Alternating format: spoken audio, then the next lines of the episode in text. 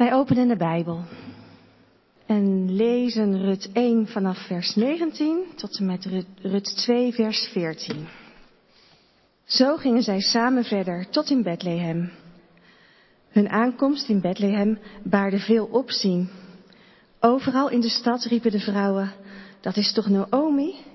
Maar ze zei tegen hen, noem me niet Naomi, noem me Mara, want de ontzagwekkende heeft mijn lot zeer bitter gemaakt.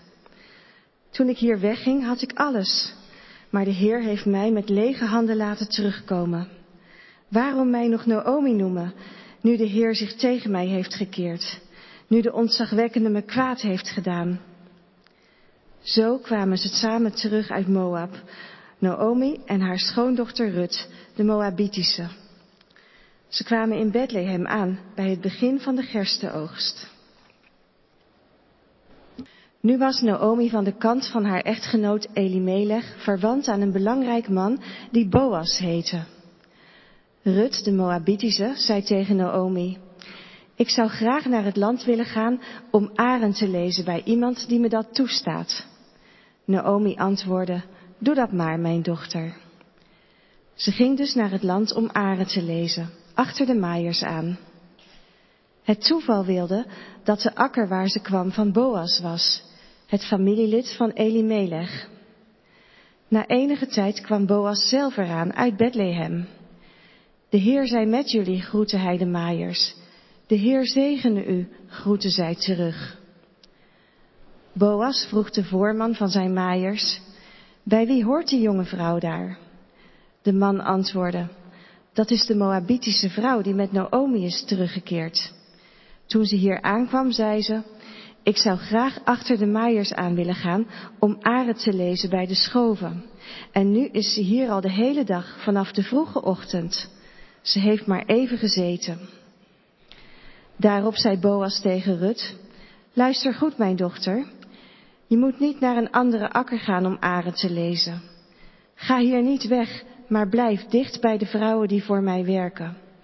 Volg ze op de voet en houd je ogen gericht op het veld waar gemaaid wordt. Ik zal mijn mannen zeggen je niet lastig te vallen. Als je dorst hebt, ga dan naar de kruiken en drink van het water dat ze daar scheppen. Ze knielde, boog diep voorover en zei, Waaraan heb ik het te danken dat u zo goed voor mij bent, terwijl ik toch maar een vreemdeling ben? En Boas antwoordde, Meer dan eens is mij verteld over alles wat je voor je schoonmoeder hebt gedaan na de dood van je man. Dat je je vader en moeder en je geboorteland hebt verlaten en naar een volk bent gegaan dat je volkomen onbekend was. Mogen de Heer je daarvoor rijkelijk belonen. De Heer, de God van Israël, onder wiens vleugels je een toevlucht hebt gezocht. Ik dank u, Heer, zei ze, want u hebt zich mijn lot aangetrokken en mijn moed ingesproken, terwijl ik niet eens bij u in dienst ben. Toen het etenstijd was, zei Boas tegen haar, kom maar hier en neem een stuk brood en doop het in de wijn. Ze ging naast de maaiers zitten en hij gaf haar geroosterd graan. Ze at tot ze genoeg had en ze hield zelfs nog over. De evangelielezing is uit Marcus 10, de versen 29 en 30.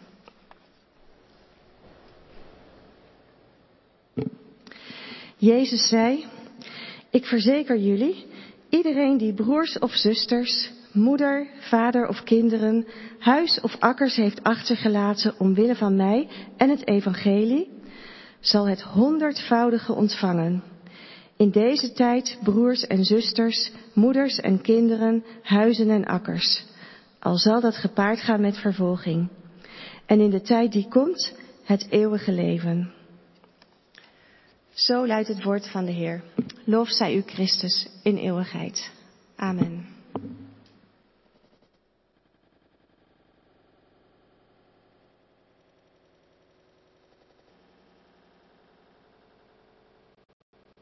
Gemeente van onze Heer Jezus Christus, broeders en zusters.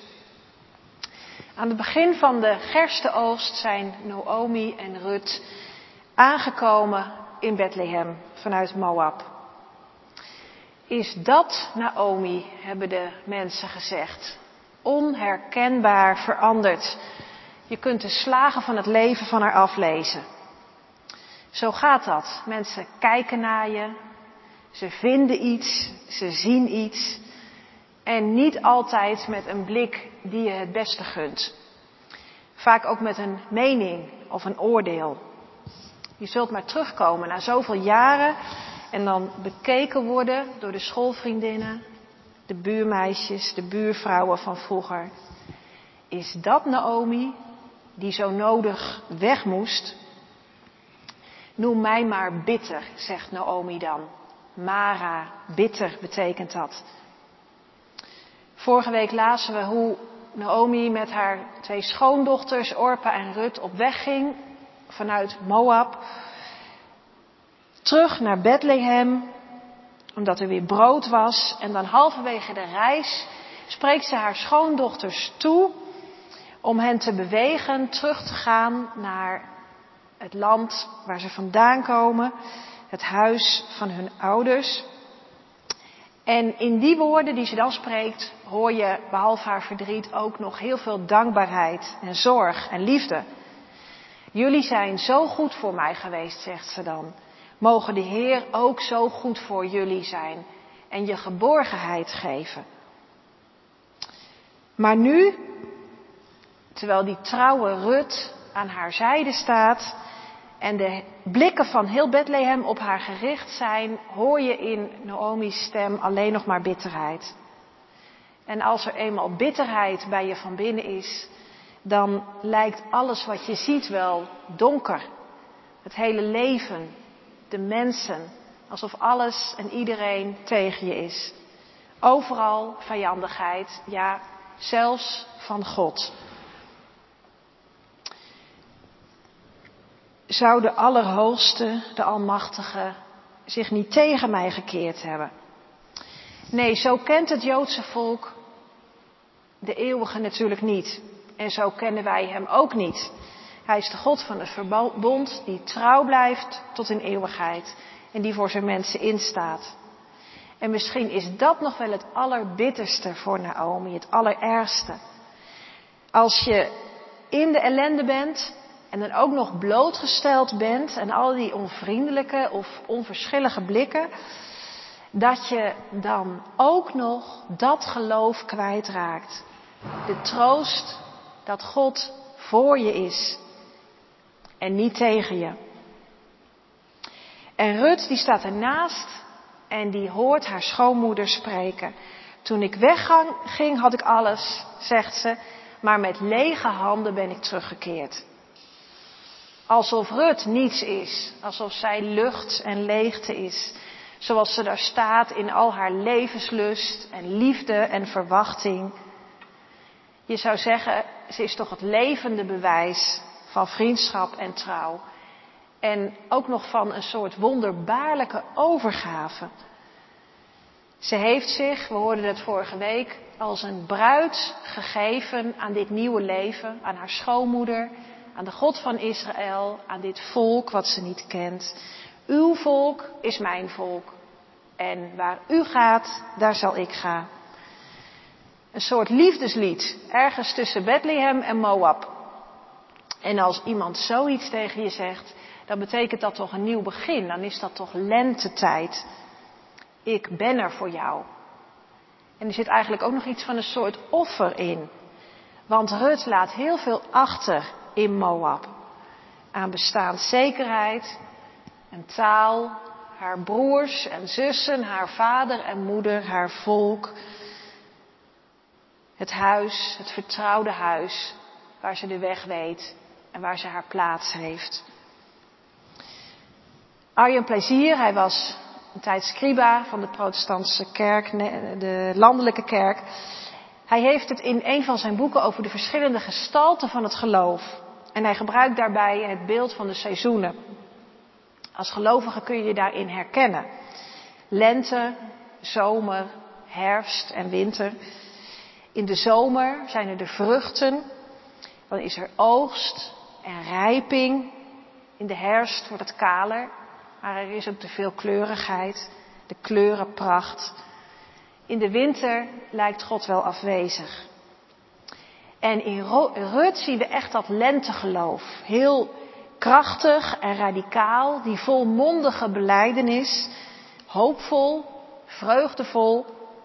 Ze bloeit en ze springt als het ware dat nieuwe leven in, zoals een jong veulen de wei inspringt, Bethlehem in, deze God van Israël tegemoet, dit volk. Heel anders dan Naomi, in wie het winter is. En ik kan me zo voorstellen dat dat voor Rut wel een soort van ontnuchtering moet zijn geweest. Die aankomst in Bethlehem, die blikken van die stadsbewoners, die bitterheid die haar schoonmoeder uitstraalt. Als je toch zo in je eerste liefde en je eerste enthousiasme en je eerste geloof bent. En toch horen die twee ook bij elkaar. Rut en Naomi.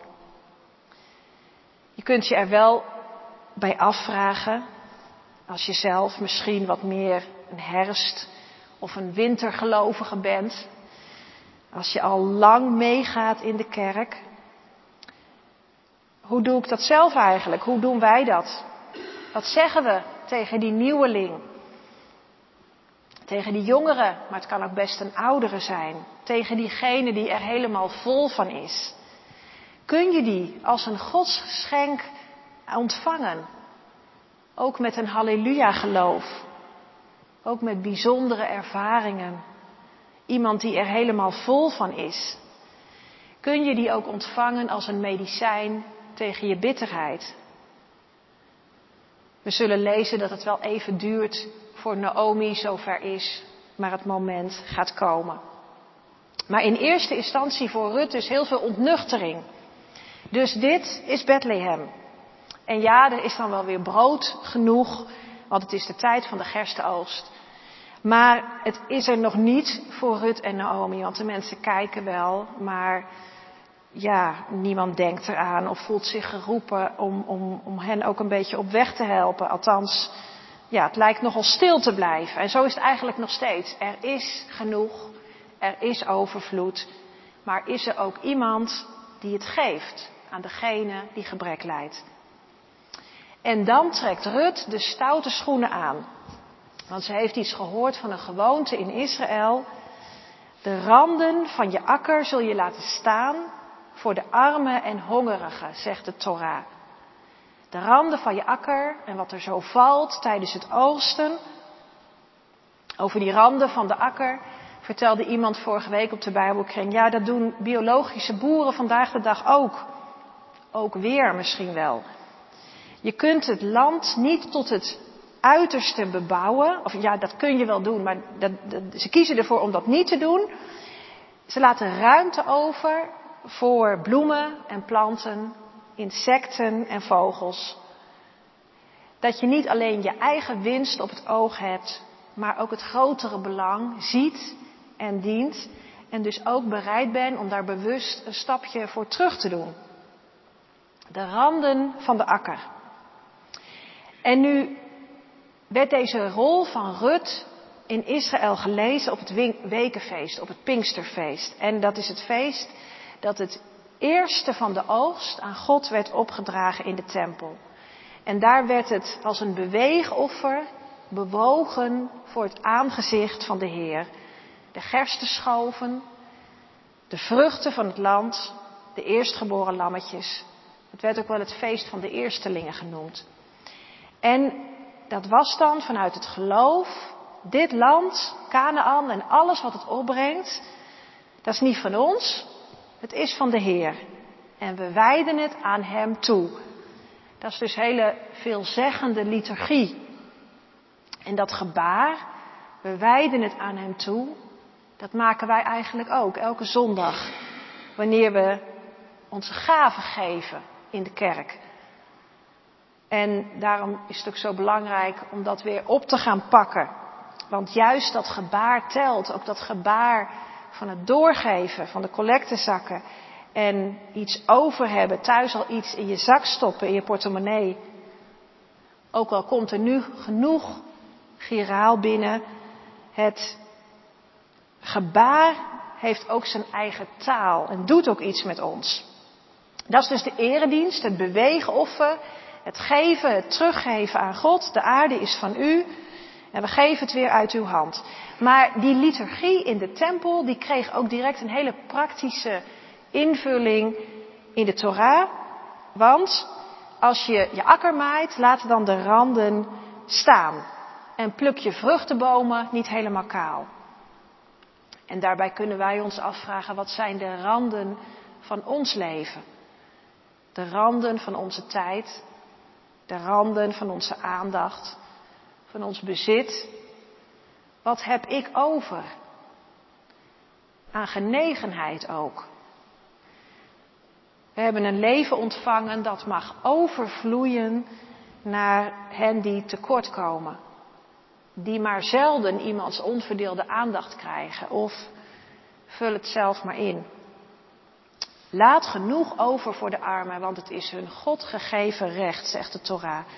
Dus, dus niet een beetje liefdadigheid, zo van, ja, als je nog wat over hebt, of het is toch bijna over de houdbaarheidsdatum, of als je een goed humeur hebt, of juist een heel slecht geweten. Nee, dat hele woord liefdadigheid kom je niet eens tegen in de Bijbel. Het gaat altijd over gerechtigheid, tzedaka. Werk hard, zodat er genoeg overblijft voor wie het nodig heeft.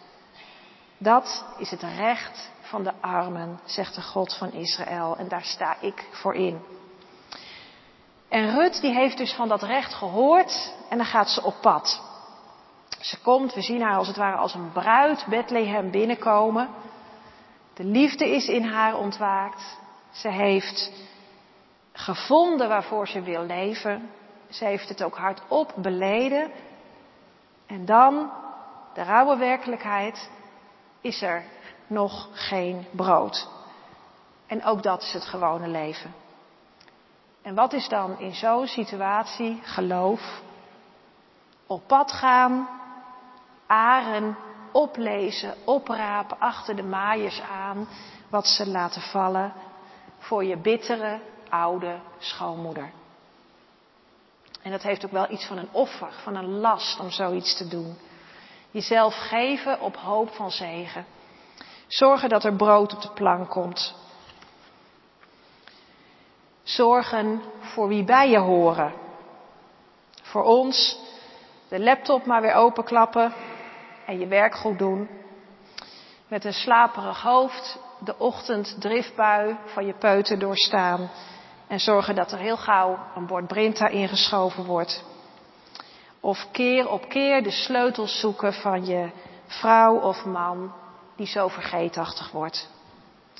Dat is leven. Helemaal leven. En dat is ook geloof. Ik ga aren oplezen, zegt Rut. Bij wie het me toestaat, bij wie ik genade vind, staat er in het Hebreeuws. Het blijft toch ook wel heel kwetsbaar. Want wie zal ze vinden? Het blijft genadebrood. Ja, de Torah klinkt. Maar zal er ook iemand zijn die daar ook werkelijk werk van wil maken? Die dat gaat doen ook? Zal Rut echt wat menselijkheid tegenkomen?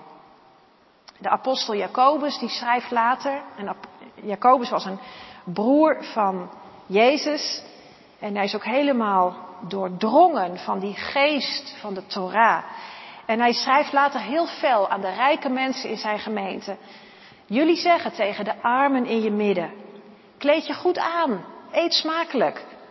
Maar wat heeft dat voor zin? Laat door je daden zien aan hen dat je gelooft.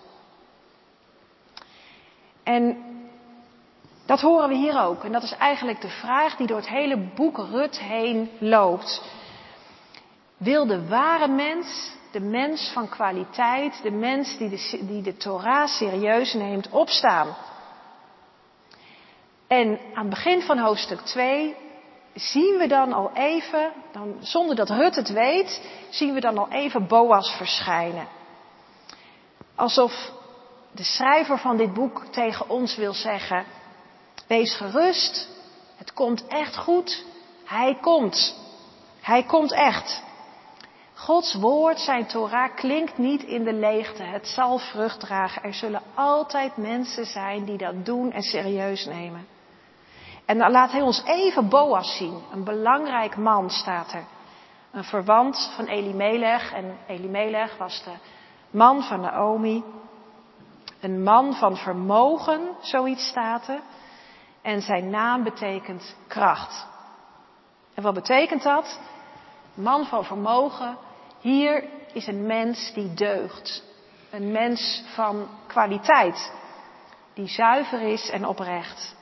Iemand die de daad bij het woord voegt dat hij in de Torah heeft gehoord. En dat merk je al aan hoe hij zijn arbeiders begroet. De eeuwige zij met u. Grüß God. Ja, dat is een vorm. En dan kun je je afvragen, ja, hoeveel inhoud zit daar nou in? Wat, wat bedoelen mensen nou wat, als ze dat zeggen? Grüß God. In de Alpenlanden wordt dat, wordt dat gezegd als je iemand tegenkomt. Maar die vorm, die kan toch ook een bedding zijn van een hele rijke inhoud. Boas laat hiermee merken dat zijn mensen geen nummers zijn. Dat ze geen radertjes zijn in het geheel. Dat ze geen human resources zijn. Menselijk materiaal dat je handig moet beheren en inzetten. Boas beseft, en door die zegenspreuk laat hij het ook merken, jullie en ik, wij zijn samen bevrijde mensen. We zijn bevrijd van de slavernij uit Egypte. Samen leven we als vrije mensen onder Gods hoede. Hij is dus een mens die helemaal leeft in die Torah, in dat verhaal van God en zijn volk. En dat hoor je ook als hij Rut later aanspreekt. Want hij ziet Rut en hij heeft haar geschiedenis gehoord. En daar hoort hij ook iets in van Abraham, die vader van alle gelovigen. Tegen Rut zegt hij dan, jij die hebt verlaten het land van je vader en je moeder, het land waar je geboren bent en die je toevlucht hebt gezocht onder de vleugels van de God van Israël. Een mens waar je van op aan kunt. En dan is hij ook nog familie van Elimelech.